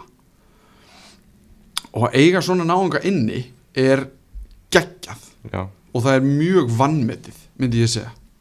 Herðu, fúlam 300 lífur mot Lester í hálfleik. Já, já, það var þetta búið. Sæll. Já, uh, Alltaf, Leopold, þetta verður að vera ógæðlega gaman að fylgjast með þessu og loka metrum hvort er náðu meistaraldasetni mm Mhm. Mér leiðbæði við eins og verið að lýsa bara John O'Shea. Ég meina, e, þið, þið saknið þannig er klálega alveg bara, og eða sko eða hérna John O'Shea Hún að vera er- ykkur United með stiltir sko. En þetta var samt svona nafn sem poppaði upp Já, ég á mér, þú veist, og ég skila sem löpumæður sem hefur fylgst með United líka í ógst langan tíma a, a, og í gamla dag, ef, við- getum orðað þannig þá voru það var United fullt af svona náungum. Mm. Mhm. Darren Fletcher. Darren Fletcher til dæmis. Það er einn náungi sem hefur gert ég, ég hugsaði bara svona fjölda stöð Þú veist, já, stað, já, Já, staðna, já, staðna. já, Það leið svona eins og Darren Fletcher getur spilað margar stöðu ég hugsaði líka um hann náungi sem, hana, sem er ennþá hjá vardamannin hérna Kottu með það. sem er hérna, hann er, hann, hann er ennþá hjá okkur sko. hann er frægur fyrir bara að fórnar sér í allt, hvað heitir Jones. Já, Phil Jones. Phil Jones. Hann spila ekkert marga Hann er stöður. glindur, já, það er rétt. En ná, sko, bara, þú getur sagt bara, heyrðu, einu sem þú þarf að gera er bara að throw your body around. Hann hann, fer ekki- bara inn og gera Það er svo fræg myndin hann, hann fyrir með hausin og undan ég sko. veit það, er- og þá ertu að hugsa bara þessi er bara, hann blæðir fyrir félagið, sko. Mm. það er svo vill Greg Alli getur ekki haldið sér heilum. Það er Nei, nú sé hann alltaf það, kannski á því að hann er alltaf að blæða fyrir klubin það er var var ógæslega gaman að fylgjast með þessu. Náttúrulega United spila á móti Vest hann í gær og Mhm. tapaði líka móti Brighton í miðri síðustu viku. Mhm. Báði leikinir enda 1-0 snakkið hvernig líst þér á þetta? Bara allavega að byrjum á því að bæði döpum voru verðskuldið mm -hmm. Það er kannski bara svo að það sé tekið fram. Hvernig mér líst mér á þetta? Mér líst þannig eins og þetta sé næstu því Það er því eitthvað mesta kraftaverk söguna yfir klúrum þessu. Og þá er ég náttúrulega að meina þú veist bara að, þú veist, Stórslís Já, það er það. Því að þetta var í eins Er og það þessu samt ekki rosalega United leg Gæti verið sko. Með að að hvernig síðustu ár hafa Já, verið, með að hvernig síðustu ár hafa verið. Og svona að því ég fann bara neikvæðina inn á Reddit og allstaðar í gær. Menn voru brjálæðir. Og Ég- það var bara Ten Hag er, er bara fraud. Og ég er sko að tala um að ég kíkist stundum inn á Red Devils að því stundum þegar maður reynir á þessu subredditum og þessu doti Mm. og ég er nú Leopold og hugsaði Jesus hvað fólk er eitthvað neikvægt og leðallit inn í maður. Þá kíkist stundum hjá öðrum félögum er þetta, svona, er þetta bara svona internetið virðist vera bara internetið. Ég þannig. Ég ætla ekki að fara endilega mjög mikið eftir öllu sem stóð það Nei, nei. En það var bara samt mjög áhugavert hvað það er stutt mm. í. Það hefur ekkert breyst. Þetta eru sömu djöfisins hálfutanir bara da da da da da. Það var allt komið aftur tilbaka sko. Þetta er bara fótbolli Þetta er bara Já. Þetta Mér finnst, það er svo margt sem ég finnst allt svo skrítið í bara einfalda sem að stu, sem stundismæður skoðar er bara liðsvalið. Mm -hmm. Ég er að sjá þetta hérna hjá þér. Hvort, hvað ertu með þarna opið? Þetta er liði gær. Þetta er liðið í gær. Mm -hmm. Vátt Vekost, Kristján Eriksson. Mm -hmm. Tyrell Malassia Þetta er bara fyrstu þrýr sem ég pekka út. Mm. Hvað eru þeir að gera inn á? Af hverju er ekki leikmaður eins og Fred sem er bara búin að vera mjög góður á þessu tíðanbili var bara leikil maður á besta kapla tíðanbilsins svo kemur eitthvað landsli, landsleikja frí hann í april hann hefur bara vallað sérst síðan. Mhm. það er eins og hann hefur gert eitthvað af sér. Ég ætlaði einmitt að spyrja því sama af því að sko ég sá hann hann kom inn sem varamæður í móti Breitón mögulega eitthvað, ég man ekki, Já, ég sá já, hann einhver já, staðar. já. Já, og svo var hann tvær myndir í gær. Hann fær tvær myndir í gær. Já, og ég mitt hugsaði ég mitt hugsaði, er sko, Casemiro verist vera hann er búin að vera upp og niður já, eitthvað upp á það sko. eitthvað svona aðeins dreigja á honum. Eriksen, hann, hann bara coverar ekki í svæðið nei. sem maður þarf að covera. Og það er nefnilega málið, af því ég hugsaði mitt þegar ég var að horfa á þessa tvo og hugsaði, sko Fred McTominay ef við, ef við tökum þá, þegar Mhm. þeir voru hann að miðunni ok, þú getur sett út af fótballtahæfileika þeirra eða whatever, en þeir voru að djöblast allan tíman mm. í einhverju bölvuðu brasi ofta tíðum en Fred var búin að svona pínu törna, korner sko, bara Mhm. orðin bara fýll leikmaður. McTominay einhvern veginn fyrst maður alltaf í töðunar á mér en bara svipur á hann sko, svona sem leikmaður og hann bara pirrandi ná ekki sko. Mm, en bara- Jordan. Pickford. Bara þess að í kringum ústættileikin í deltabekkarnu þegar við sláum út Barcelona Fred er bara leikilmaður í liðinu. Mm Geðveikur hann er bara frábær, sennilega bara bestur í liðinu. En af hverju þá er verið að spila Eriksen og Casemiro? Því að búst, Eriksson er alltaf með þessi fótbolta gæði en það, þú þarf fyrst að laupa sko. Já, það, það, það hefur dreigð á hann Já, klárlega, og hann er ekki alveg eins og hann var alltaf fyrir Og hann mest hefði átt bara að vera í brent Nei, hann átti auðvitað að koma í United. En, en hann átti ekki að vera að spila vera að spila ok. doppel pívot í þessu leik. Hefði hann að- samt í alvörunni Mm. átt að fara til United? klart, Er það? Frábær í ára mittist hann er alltaf bara Er það? miklu betri leikmaður heldur en þess að Brentford er að bjóða upp á. Ok Já, sko, Frábær ég hugsa bara um Southampton og James Ward Prowse sem dæmi. Þú veist, þú ert alltaf með einn Mm. góðan náunga í liðanum sem eru svona eitthvað, la-la og hjá Brentford og Leimer eins og hann fengi að vera þessi náungi sem þarf ekkert mikið að hlaupa. Hann Já, þarf ekki að kofvera mikið af öll kannski leikstíli sem hendur honum. Já, en, en þú ert ekki hjá félagi sem er já. að stefna neitt sko. Nei, nei. Þú veist, eða, þú veist, jú, jú, þú ert að halda þér í deildin og vera miðja deild en þú ert ekki að keppa um neitt Nei, og ég, Þannig, sko. ég skil allt það en bara svona fyrir leikstílin þá hugsa ég bara, akkur er hann bara ekki þarna hann fær örgulega lang, langlaunahæstur og getur bara spilað og það eru, það er alltaf settir tveir eða einn náungi í kringum hann Mhm. sem bara hérna sópa upp og einu sem það þarf að gera er að diktata playið hann er líka mjög oft í mynd líka þetta föstu leikandurinn sko. Já, Já, sér að hann fær mikið þar. Nákvæmlega, eins og Prowse Mm. Eitt leikmaður sem ætti ekki að vera í Master United og það eru fréttir sem fréttir um að ætti ekki að kaupa hann, það er vátt veðkost Já, ég, þú veist, bara út Af af þessu hverju leik fær hann samt svona mikið heit? Hann er bara ekki nægilega góður í fótbolta. Ég veit að hann er ekki nægilega góð fyrir United. Mm. En að því að við vorum að tala um anda á móti Vestham í gær þá er hann komin inn í teig og tegur tæklingu sem forðað því að boltinn kemst fyrir. Hann í raun góð eiginlega aðeins of góð tæklingu fyrir framherja inn í teig. Mm. þetta er tækling sem mennilega framherja myndi bútsera algjörlega að fá víta á sig. Hann er hann er með anda. Hann er mikið anda. Og hann er í alvörun að berjast og djöblast inn á vellinum. Og ég hugsa stundum og auðvitað er hann ekki nógu góð fyrir United. Minna, það er klárt. Bara við getum talið upp framherri United í gegnum Ég tíðina vil líka bara tala upp mörkin sem hann hefur skorað Já, og Það er ekki mörg. Nei, Nei. það hönd, er ekki á fingrum annar Mhm. handar sko. um, en, en hann sko, mér líður eins og Ten Hag sem mögulega einhvern veginn að setja hann inn og bara að það sé ykkur svona viti, þið gerið Mm. mm. eins og þessi náungi Já. fylgið í honum sem að var hann- svolítið Ander Herrera og Fred Já, dæmið sko, einmitt mér fannst það Já, Já, ég hérna ég, sem er- það já. gerist ekki neitt það kem, Antoni hvarf í setni hálfleik. Já, já. Það bara kom ekki raskat upp úr honum. Ég skil ekki þann leikmann. Ég á mjög erfitt með að átta mig á því hvað það er sem hann gerir inn á vellinum fyrir utan uh, hann er mjög fær með boltan og í fyrri hálfleik þá var hann ógnandi. En síðan bara virðist hann ekki geta haldið þessu yfir heilan leik. Nei, og það sem, það sem Ten Hag stendur framfyrir er að taka hann út af og setja Sancho inn á sem er næstu jafn bland fótballamæður sem að, einmitt, það getur eitthvað gerst en það eru allir líkur á því að það gerist ekki.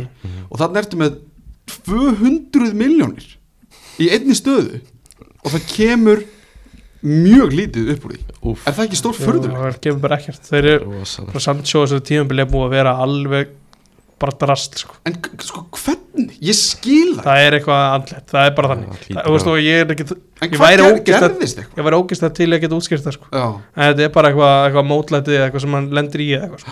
var ógeðslega góður hjá Borussia Dortmund á Já. sem tíma það er náttúrulega máli veist, hann, veist, og þegar United kefti hann ég bara blótaði því í sand og ösk að því þá hugsa ég þannig er hann komin sko. þannig er hann komin með kannski höndla hann ekki í pressu Þú veist, Nei, kannski Það það á er okkur svona mjög háust í sko. Og ég meina þetta með hann að vera, hann er sendur hann er alltaf Mm. mm. komin eitthvað annað og hann er bara einhvern veginn að reyna eitthvað jafna sig eða eitthvað kom, eitthvað koma sér í stað maður var einhvern veginn að byrja hvað hva Mm. er hvað er að gerast þetta já, Þú veist, ég veit ekki hvort eitthvað enga lífinu eða eitthvað, maður veit ekki sko. nei, nei. en er Rashford, nú er ég byrjað að spyrja ykkur sko. já, er er Rashford best settur út á vinstri kantinu já, er það bara hans klálega sko þetta liðið er miklu er, er, eiginlega best með Martial frammi og Rashford út í vinstri megin. Það er alveg ótrúlega að segja það en Martial er handónitur hann já, er- já, það er ekkert að frétta það og ég var að segja við tengdapappa minn í gæri, hún horf á leikinu og ég sagði, "Hv- þessi Martial maður, Jesus. Marcel var keftur á sama tíma og Divock Ríki var keftur mm. og ég man á þessum tíma að þetta fannst mér lýsandi fyrir munin á liðanum að því að Martial átti að vera bara undrabann og náungin sem átti bara að vera eitthvað ótrúlegt efni og Ríki var svona einhver svona en B-útgáfa veistu hvað er hælandi á Martial á bara á ferlinum? Það er- það er markið hans á móti liðum fyrsta leik. Þegar það kemur inn að sem varumæður Já, einmitt, og það hann er gerir ekkert það. það er að frétta sko. og, og, en síðan einhvern veginn ég var akkurat að hugsa þetta sko Þetta er. En síðan einmitt, einmitt, þú veist, og Ríki verður þetta kvöld legend sko sem gengur held ég nánast ekki neitt hjá hann í Asi Milan eða það sem hann fór. En hérna það er ótrúlega að horfa til að sjá Martial og hans þróun hjá, hjá, hjá United sko. Það er bara með bara eins og í leiknum í gerð bara, þú veist, punkturinn minn, ég, ég vil hafa fleiri miðjumenn í liðinu.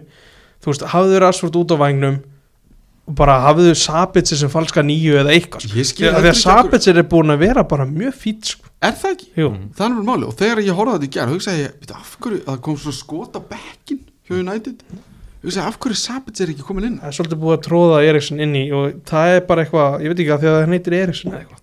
Já, bara, ég meina, tengist þetta ekki bara einhverjum ákvæðum í samningi eða launum eða, þú veist, ég veit ekki. Kannski Já, líka alltaf það er eitthvað svona þú veist, Sabitz er á láni, ef hann spila x marga leiki og þú þurfa Mm. að borga þetta, þú veist hérna, kannski verið. allskis eitthvað svona vesen, sko. En síðan er annað. Að hann að, sko, að við höfum ekki drætt Newcastle. Mhm. Nei, heldur ekki Vestham sko. Og eða heldur, DG Þetta er Gea Fyrir kannski fyrst í Gea. Shit. Þetta Alla- er náttúrulega grín Þetta Já. mark Þetta mark þetta er einhver hvað var svo að horfa á þetta? Þetta er svo löst skot. Ég á svo erfitt með að skilja hvað að því ég held líka sko að markmannshanskar nútildags væri einhvern veginn svona með svona skil inn í þeim. Þannig að þú getur ekki verið með svona veikan úlið þau bara leifa þeir það ekki. Þetta er alveg veikur úrlegur Þetta er eitthvað veikasti úlið sem ég bara séð á æðminni sko. Sæl sko. Hann Og dreif alltaf á markið. Mhm. þetta, þetta skot var alltaf að fara inn sko. Nei, Þetta eins og segir Dreif alltaf markið. Og hv- hvernig hann ver þetta ekki Veit ég ekki. Þetta Gea maður svona Ruggar fram og tilbaka alltaf með honum að Því hann á alltaf svona einn og einn leik þar sem hann er geðveikur sko Já, hann, þú veist, hann er alltaf sem shotstopper. Hefur hann alltaf verið góður. En hann er smá eins og hvað er talað um hann er square peg in a round hole sko. hann er ekkert það sem að Ten Hag vill í þessari markmannstöðu greinilega. Það er ótrúlega það verður að krefja hann um að senda boltan endalaust og hann er bara ekki góður í því. Hann er bara ekki góður hann, hann, hann tekur sendingar sem eru svo tæpar. Sumar er að ganga ekki upp og þá fer allt í vaskin en það eru alveg nokkra sendingar í leik sem eru bara ó, þetta hefði geta farið illa. Það eru líka ekki bara sendingarnar, það eru líka móttökurnar já, sem að búa til yfir þessar verstu sendingar. Já. Það er bara eins og hann hafi aldrei tekið á mútið bólta sko. og ég held að hann hafi ekki þurft. Hann hafi bara, þú veist, hann er bara ég meina, þú sérð uh, ef við tökum Alisson sem fyrir mér er topp þeirri besti markmaður í heiminum. Mm menna við værum ekki á þeim stað við, við værum ekkert að keppum neitt af þessu ef hann væri ekki markinu. Það er, er ekkit efa mál Hann er hann, er, hann er svo ógeðslega góður með 100 clean sheets núna fyrir Liverpool uh, núna í Brentford-leiknum. En hérna veist þannig komum við aftur að sumrunu gera samning við hann og eiga þá pening einhver starf annar staðar. Ætliði þá að vera með hann aðra leiktíð og krefja hann um að gera hluti sem hann getur ekki gert augljóslega samt er hann ekki að greiða neitt á því að Varan og Martínez eru meittir maður sér það líka bara bara sérstaklega Martínez sko. er miklu Já. betri á Martínez en á vellinu Já. sko. allt annað dæmi sko. og, en síðan náttúrulega bara ok, þetta var brot hjá Antonio en þetta var mjög soft Já, hvernig hann einhvern veginn þú veist, það, er, það er ekki það er ekki presens í honum það er ekkert einhvern veginn Allison og, og hérna Edison uh, veist, þetta eru svo miklir skrokkar Mhm. og þeir eru svo stórir og miklir einhvern veginn þannig að þegar þeir öskra og koma út í boltan þú veist, ok, Antonio er reyndar versta dæmi að því að hann er eitthvað mesta kjötstein sem ég veit um á vellinum en þú veist þeir limpast ekki svona niður. Að þeir, með við dómgisluna sem er í gangi, þá hefði alveg eins geta verið farið í var og verið bara, hefði, nei, sorry þú bara verður að þetta af þér. Maður er alltaf skítrættur þegar það eru hotspinnur eða aukaspinnur sem farin á tegin sko. einmitt, Já. af því, að, af því að það er líka orðið og þú veist, af því að við vorum að spila við Brentford og þessi, þessi lið sem eru komið með svona gott set pieces og, og, og hotn og allt þetta að bara það er bara að kráta markmennir svo mikið það er svo mikið að og þú þarft að vera svo þú veist, þú þarft að vera svo sterkur til þess að höndla þetta. Mhm. og hann er eiginlega andstaðan við það, hann er bara hann þarf að bölga upp. Hann, hann díkega, hann er 35 ára. Ten Hag náttúrulega sagði eftir leikin í gera hann að endur sem ég það. Hann sagði það og ég held að það spil inn í bara ok, salan er ekki gen- gengin í gegn. Mhm. hvernig sem hún vil fara. Já, það er smá það er smá ekkert eðlilega þreytt líka að það sé ennþá að vera standa í söluferli og það er komin mæ sko. Maður rættur svona fyrir sumari í sumarið er búið. Ég Það gerist ekki í- gerast sko. ekki nema að það kom einhver Todd Bowley típa og sem allt í nú bara byrja að henda peningum en það er sko mæ það er verið að tala um að klopp vilji sé- að, að, að kaupin séu eiginlega búin í júni Þess Liverpool er byrjað að vinna í McAllister Já. og öllu svona sko. Og, og, og hérna United þarf að kaupa Osimhen og eða Harry Kane eða eitthvað í viltu þetta sko. ná heilu undirbúinstíma auðvitað. Og, þú veist, og, og, og það er líka málið með að það bæðum varandi maður kallast þér þá talaðum að Liverpool sé að reyna að nýta sér tækifærið til dæmis meðan að Salan og United er ekki gengin í gegn og því ha- bara hendur ykkur eru tætt af því þið viti ekkert hvað að því að ef, maður hefur heyrt 100 miljónir hjá United Mhm. eitthvað svona, ég veit ekki, þið vitið það betur en ég en ef að, ef að það, það er verið að vinna eftir einhverjum ákveðnum ramma sem er svona þröngur að þá einhvern veginn, ég er alltaf pínu vona að Gleisers bara hætti við þetta sko. Er- mér, mér er byrjað að finnast eins og hallist aðeins í þá átt hann er sko, líðið þannig núna sko. Að þeir segja bara, nei, herðu, okkur langar í sjö miljón eða eitthvað. Og það bara, þú veist þeir séu svo gráðir að það bara muni koma í andlitaðum og fyrir auðvitað það að síðan held ég að þeir hugsa alltaf, já við seljum ekki þá græðum við samt en þá ógísla mikið pening. Okkur drullu saman þótt að við við gætum grætt einhverja miljara núna. Ég skil ekkert af hverju þeir eru að selja sko. Ég er raun ekki heldur, þess vegna held ég að þeir séu bara Já. að kanna markaðin eins og FSG gerði. Þeir fá ekki verðið sem þeir vilja Mm. sem bara halda þær áfram að eiga klubin sko. Já. Já, það er bara og svolítið þá eru því sko þú veist, þá einhvern veginn, að því ég held að United þurfi að ég verð að tala um þessum leikjálæð að í fyrra spilaði Liverpool tíu leikjum fleira eða eitthvað. Og það sést á þessari leiktið Casemiro er 31 ás og lappinir á honum verðast vera átna þreytta núna United ætlar að vera í öllum kjarnum aftur ef það er verið að áfram með veist þetta er ekki að fara að minka þannig að það þarf sterkari hóp Mm.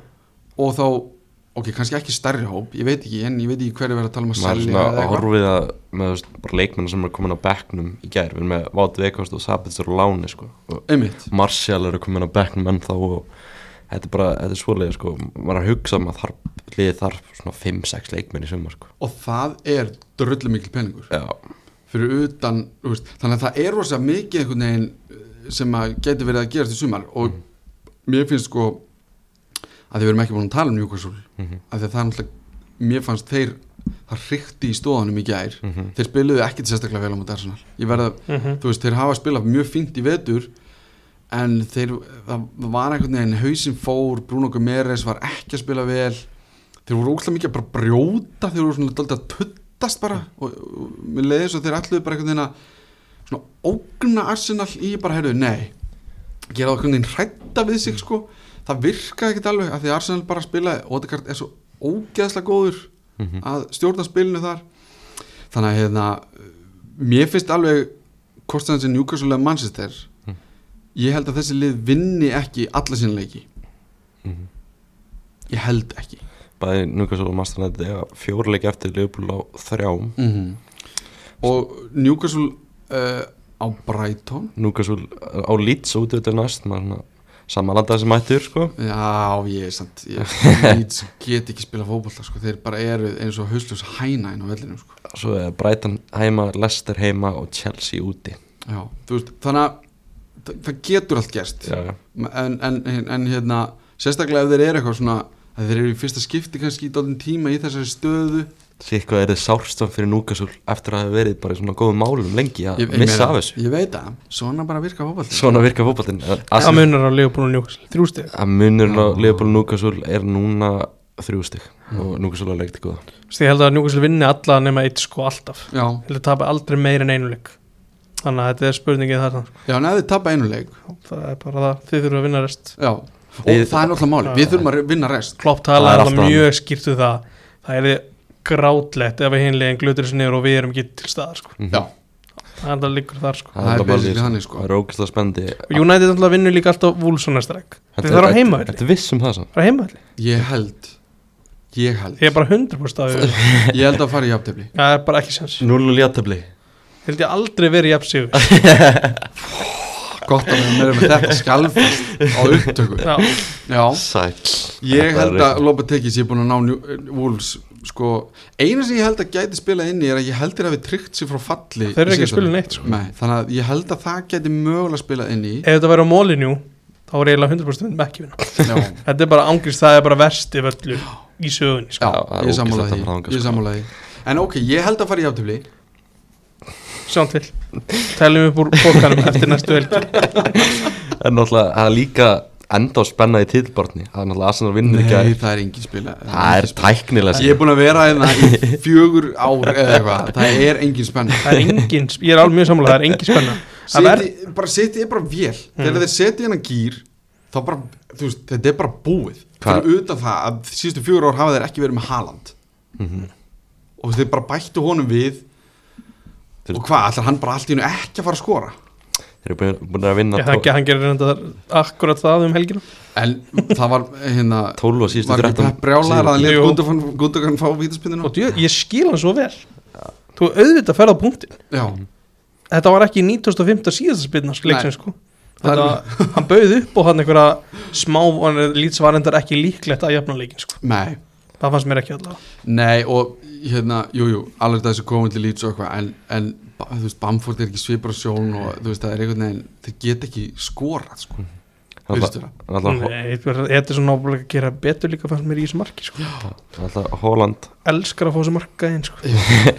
Já, náttúrulega Joel Robles er komin í marki Nei, Ederson, Já, Ederson. Hann hann fær alltaf á sitt. fær alltaf að segja bara eiginlega í hverjum einasta leik. Að Það var, það nú fínt sem að taka hann að Melier úr markinu. Hann Já, var, já, það bara, var- það var pínu bara, heyra, ok, ég ætla bara að gefa þér frí. Það var bara komið tíma á það líka. Já, líka bara, það er ekki gott við neitt markmann að vera alltaf bara að fá 100 mörg ásýndur sjálfstyrsti alveg í mólum, sko Hann er, líka, er hann ekki yngsti markmaður deildarinnar? já það var með þeim yngri sko. Já, Hann er- ég veit ekki hvað Basúnu er er gammal já, en hann, hann er allavega, veist, 25 bara eða Já, Er það er 23 já. Já, 20, já, ok, þú veist Þannig að, veist, Holland er náttúrulega bara ómennst tímabil hjá honum Hann er Mhm. komið 35 mörg mesta í sögu Premier League á einu tímabil sem já, þú veist, hver hefði getað sagt til um það, sko? Þetta er ótrúlegt dæmi sko. Já, ég bara, þetta er, bara, þetta er bara peirandi, sko. 32 leikir, 35 mörg Þú veist, hvað er það? Hvað rugg er það?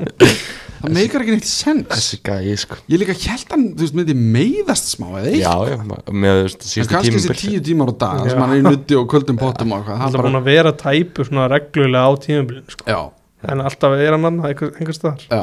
Þetta er ótrúlegt. Svo lengi sem hann er ekki með hári laust þá er þetta fínt. Það er alveg hróttalegt lúk Það er ekki með taglið sko. Hann skoraði eitt þannig um daginn það, þetta háran sko, ég veit ekki alveg með það. Hann er geðugur Hann er algjörlega leikmaður. Eina sem ég bara býð eftir er bara hvernig hann fari. Farið í Real Madrid. Já, er það ekki?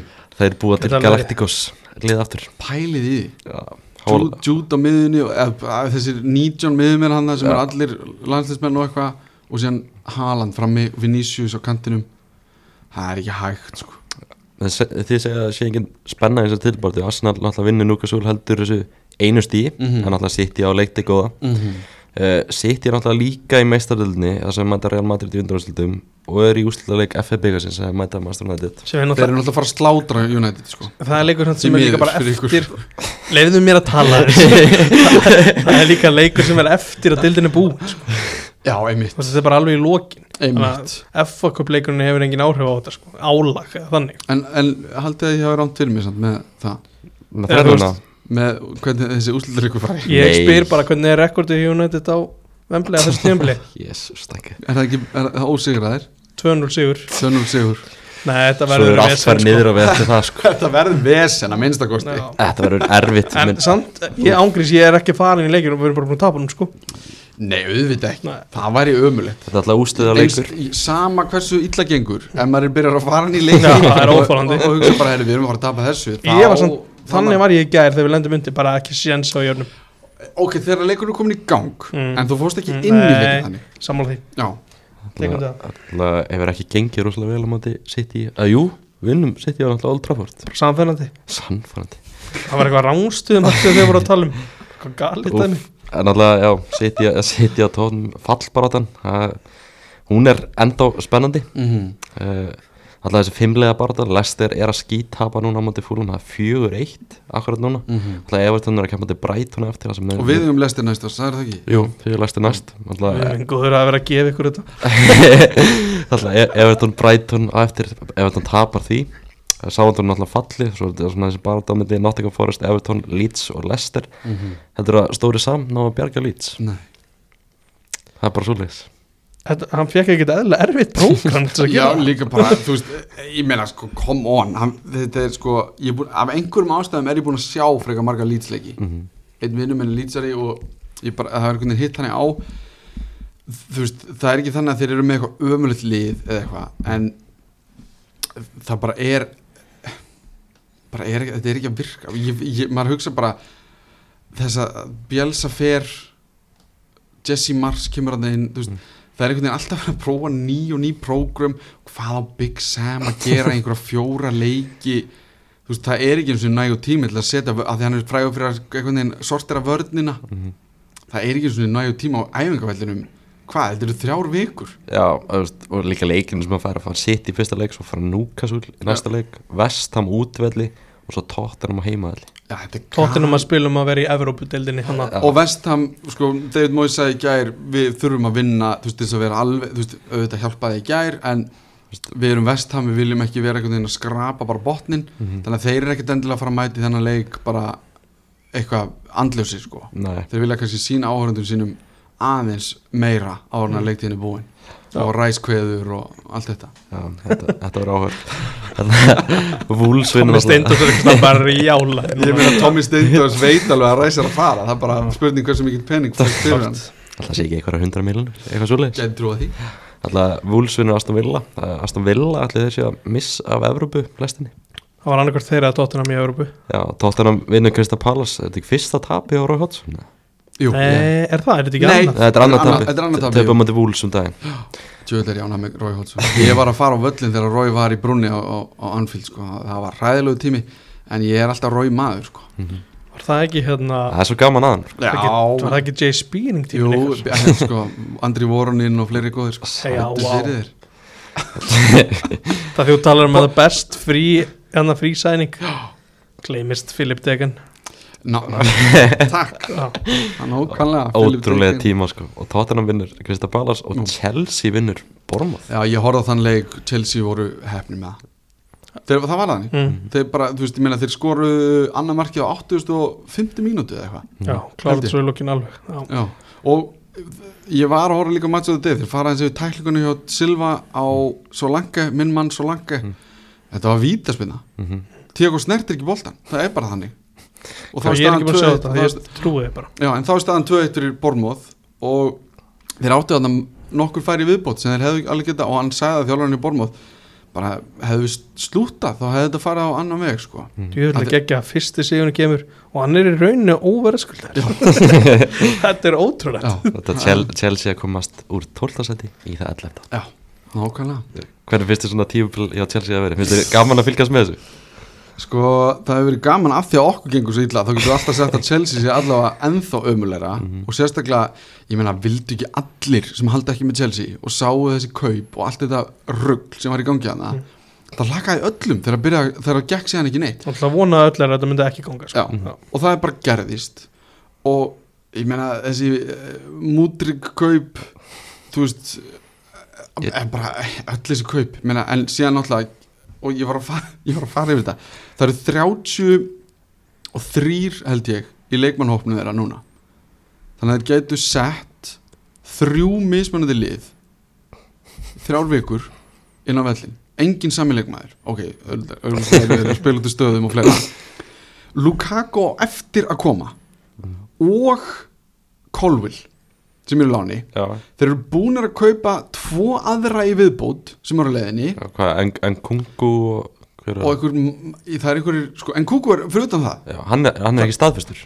Hann er ekki staðfestur, Nei. þannig að það eru fimm sem eru staðfest að koma þú veist, það er einhverjir tvei sem eru aturleifis eitthvað dæmi, þannig að það eru að spila einhverjum annars staðar, Mhm. þannig að það eru fimm eftir að koma, þá er leikmannhópurinn 38 leikmenn. Já, svo er hann alltaf með Joe Felix og Láni. Ná, hann fer. Ok, 37 30 45 það alltaf breytir öllu saman.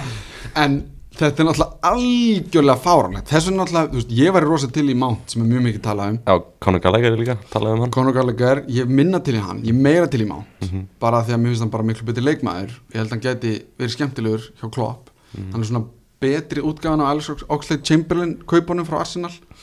En ef að Pochettino kemur inn í brúna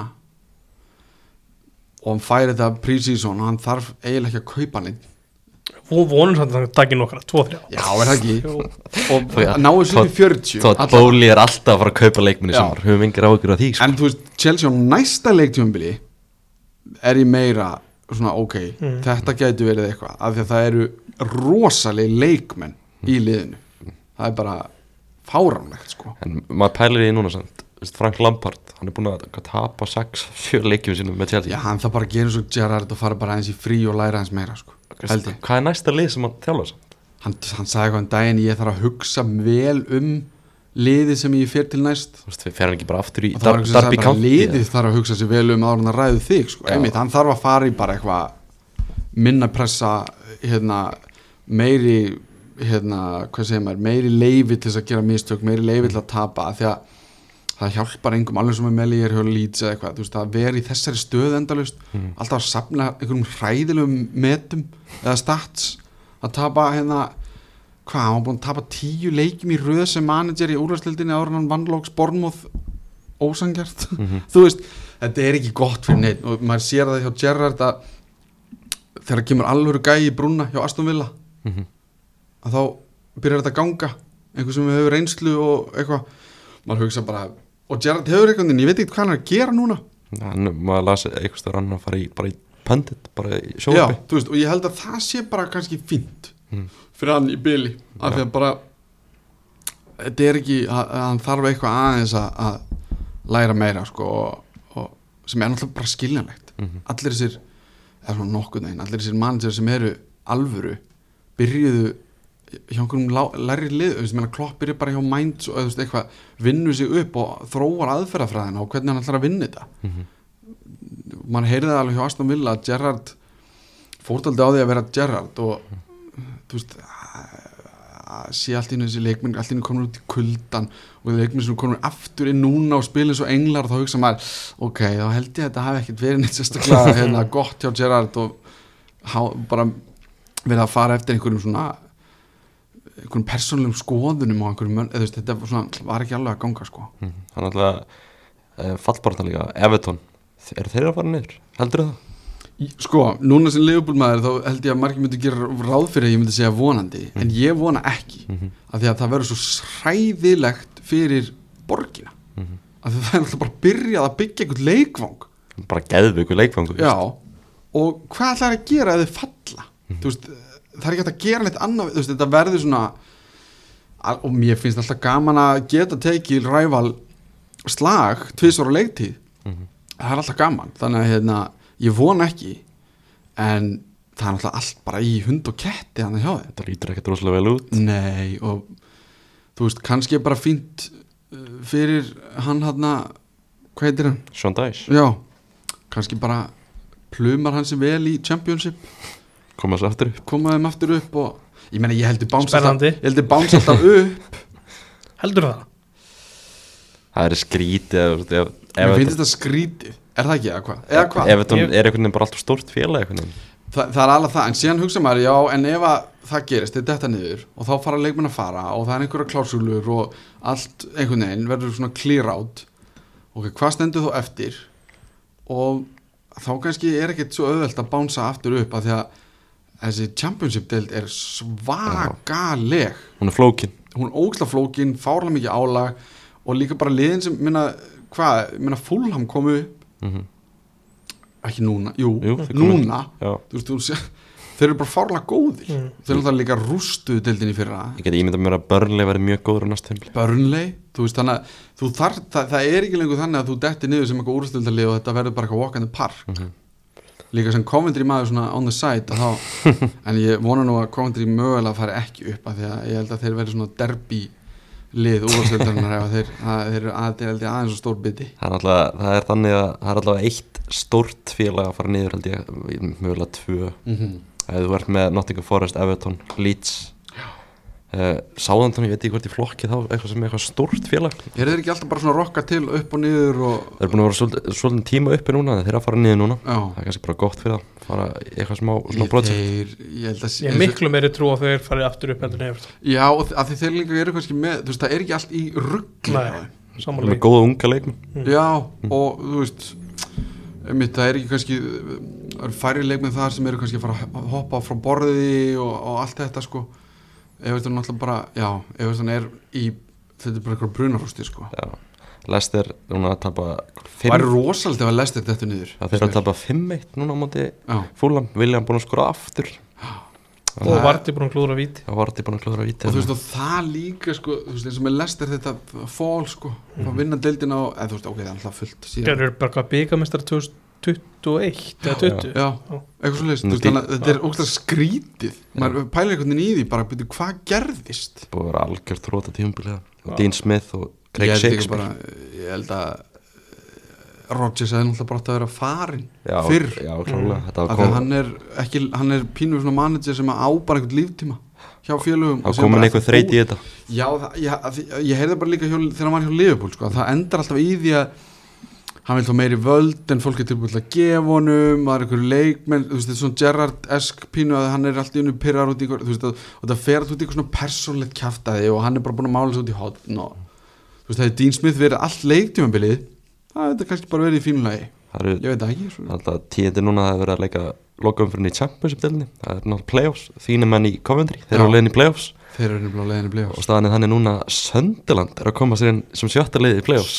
Það er mjög Fá gaman Stadium of Light aftur í ennsku úrvæslu það er náttúrulega geðveikt. Það væri ekki ekki að sko er líka eftir þess að heimild að þetta Nákvæmlega. til að dag sko. En er lokum náttúrulega, er greiðlega spennandi bara þetta framöndan meistarölduna mhm. Uh, Klopp hann náttúrulega leta aðeins í þér heyra þannig á hliðalínu um daginn á mútið Tottenham. Já, svo sleit fór hann hann aftan í læri og, eitthvað, já, já. og við það og er hann að fara í bann? Ég get alveg trúið því, já. Er það þá ekki að fara að spila eitthvað inn í Ég held ekki. Pep Linders hefur verið við stjórnulinn áður. Ég heldur þetta sé það vel drilla lið að þið viti svona nokkurn veginn hvað er ég að vera að gera á þess að klopp sé endilega í brúnni. Mhm. bara leðilt að hafa hann ekki þar. Mhm. það er almáli en þetta, þú veist, síðan alltaf getur við bara verið með annan þátt hérna um dómaramál á Englandi. Já, já, það, að þau eru Skrautleg. skrau, já, skrautleg, vægast sagt. Já, einhvern veginn. Já, það er klármál. En hvað fannst þér um þetta atrið? Æ, þú veist, Klopp bara ekki hefur gert þetta áður. Hann bara verður svo animated og heitur einhvern veginn á hliðalínu hérna og ég held að fari, var, þetta var eitthvað veist, þetta var endarast eitthvað sala en nýbúið að rífa niður einhvern veginn og þetta er líka mótið Tottenham sem verður alltaf hítið Mm og ég meina ég sturlaðist til að sjóta skoraði. -hmm. ég skil klopp. Ég held sko miklu frekar hann væri sko að fara bekknum hjá tóttenum ekkert endilega að aðstofadómanum en aðstofadómanum var bara fyrir. Það er svo skrítið að fara eitthvað aðstofadómanum og vera einhvern veginn að eitthvað að úsla agressíðu við hann. Þetta var alveg náttúrulega besta við þetta er hann haldur og svona ég veit það og, bara, þetta, og hann sér svo mikið eftir þessum leið einhvern veginn byrjar að togna og er einhvern veginn æ Jesus hvað var ég að gera þetta var svo gott sko Orðið, er að vera afi þú veist, svona haga menn sér ekkert sko. Nákvæmlega, en hvað, hva, loka spurning, hvaða tvölið fara í meistaröldina með Arsenal og City? Herðu, Þetta er orðið svo veikur þáttur sko, ég er að spája að leynst ekki á þetta sko. ég held að verði hérna ég held að verði Brighton og Liverpool. Brighton og Liverpool? Já, Stakki, Ég er að skoða liðið á Brighton á móti Everton ég heldur að vinni Everton allavega ég ætla, að, að taka eitt fram ég ætla að taka eitt fram ég er smá svona að gera til þess að aðast í þér Mm. en Ég skilði það vel sko. ef, sko, Auðvelt. ef okkur, ef, bara fyrir okkur alla ef að Brighton myndi vinna alla þessa leiki og Já. komast í meistradöldina Já þeir gera það náttúrulega að þeir vinna alltaf já ég er að segja Já. það þá væri ég pínu bara svona fair play vel gert Það er þetta svo gaman að komast þú í veist, veist, þið eiga skili ég, Mm. það er alveg hægt að segja Leopold megin ef við náum ekki meistaröldasæti þið spiluðu ekki leiktíðana sem verðskuldar meistaröldasæti það er bara þannig, ef við höfum vera algjörlega hreinskilir Brighton er búið að vera fáránlega skemmtilegt lið Mhm. í allan vetur. Og ef þið vinna þetta allt og komast þá bara fair play to you. Ég Ég myndi elska að sjá Brighton í minnstældinni en á, en á kostnaði United? Nei. En þetta var þetta ekki alveg rétt hjá mér. Þeir þurfa að trista á United tapi Já, Sem- tapa einum leik. Sem er alveg þú veist líklegt sko. Já. En það er ekki að vera að gera eftir móti vúls Við erum búin að fara yfir þetta. Skoðum þetta eftir það. Ég ætla að segja að Núka Súla Master sko ég held að þessi Sáu- veikur þáttur í mjög margar átt En eru búin að ekki sá, bara Liverpool. Sáuðu tölfræðan hjá United á útivelli? Hún er hræðileg. Top 12 Eitt sigur. Liðir í fjórðarsæti Já. Þetta er ótrúlegt. Fyrir þú það líka að því hún nefni þetta það er mjög áhugavert að sko leiktið þar sem að Liverpool sökkar vist samkvæmt öllum og mér af einhverju leiti en sé samt ennþá þessum stað það, þessi deild er búið að vera mjög furðuleg Já. í allan vetur. Það einhvern veginn, að. Tottenham séu líka svona einhvern veginn svona lélegir. Þetta er samt bara tóttina já, Já, þú veist, en maður er samt einhvern veginn eitthvað, hvernig einhvern, Já, ég man ekki en neinum sigri, Já, en samt eru þeir að sammála. Svo stutt, svo stutt á milli Alltaf búið að tala um allt tíma Hvað þetta er búið að vera gott hjá Erik Tanhag og United Svo bara gætur allt í henni bara mista meistaröldsæti já, Og bara Þetta lítast auðvitað líka mikið að því Þú veist, hvað er Þau voru góður á móti Barcelona. Þetta er leikur sem að Tilur ekkert í deildinni sko.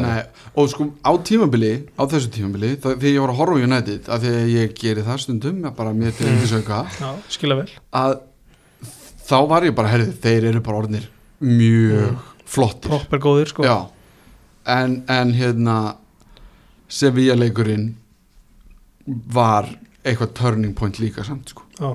það bara, þú veist, þegar þeir fara hann að báðir Varan og Martín, þú veist, þá hugsaði ég, ok, þeir eru, það er eitthvað að gerast hér, bæði andlega að tapa og síðan að missa þessa leikmenn þetta er svakalt högg, sko.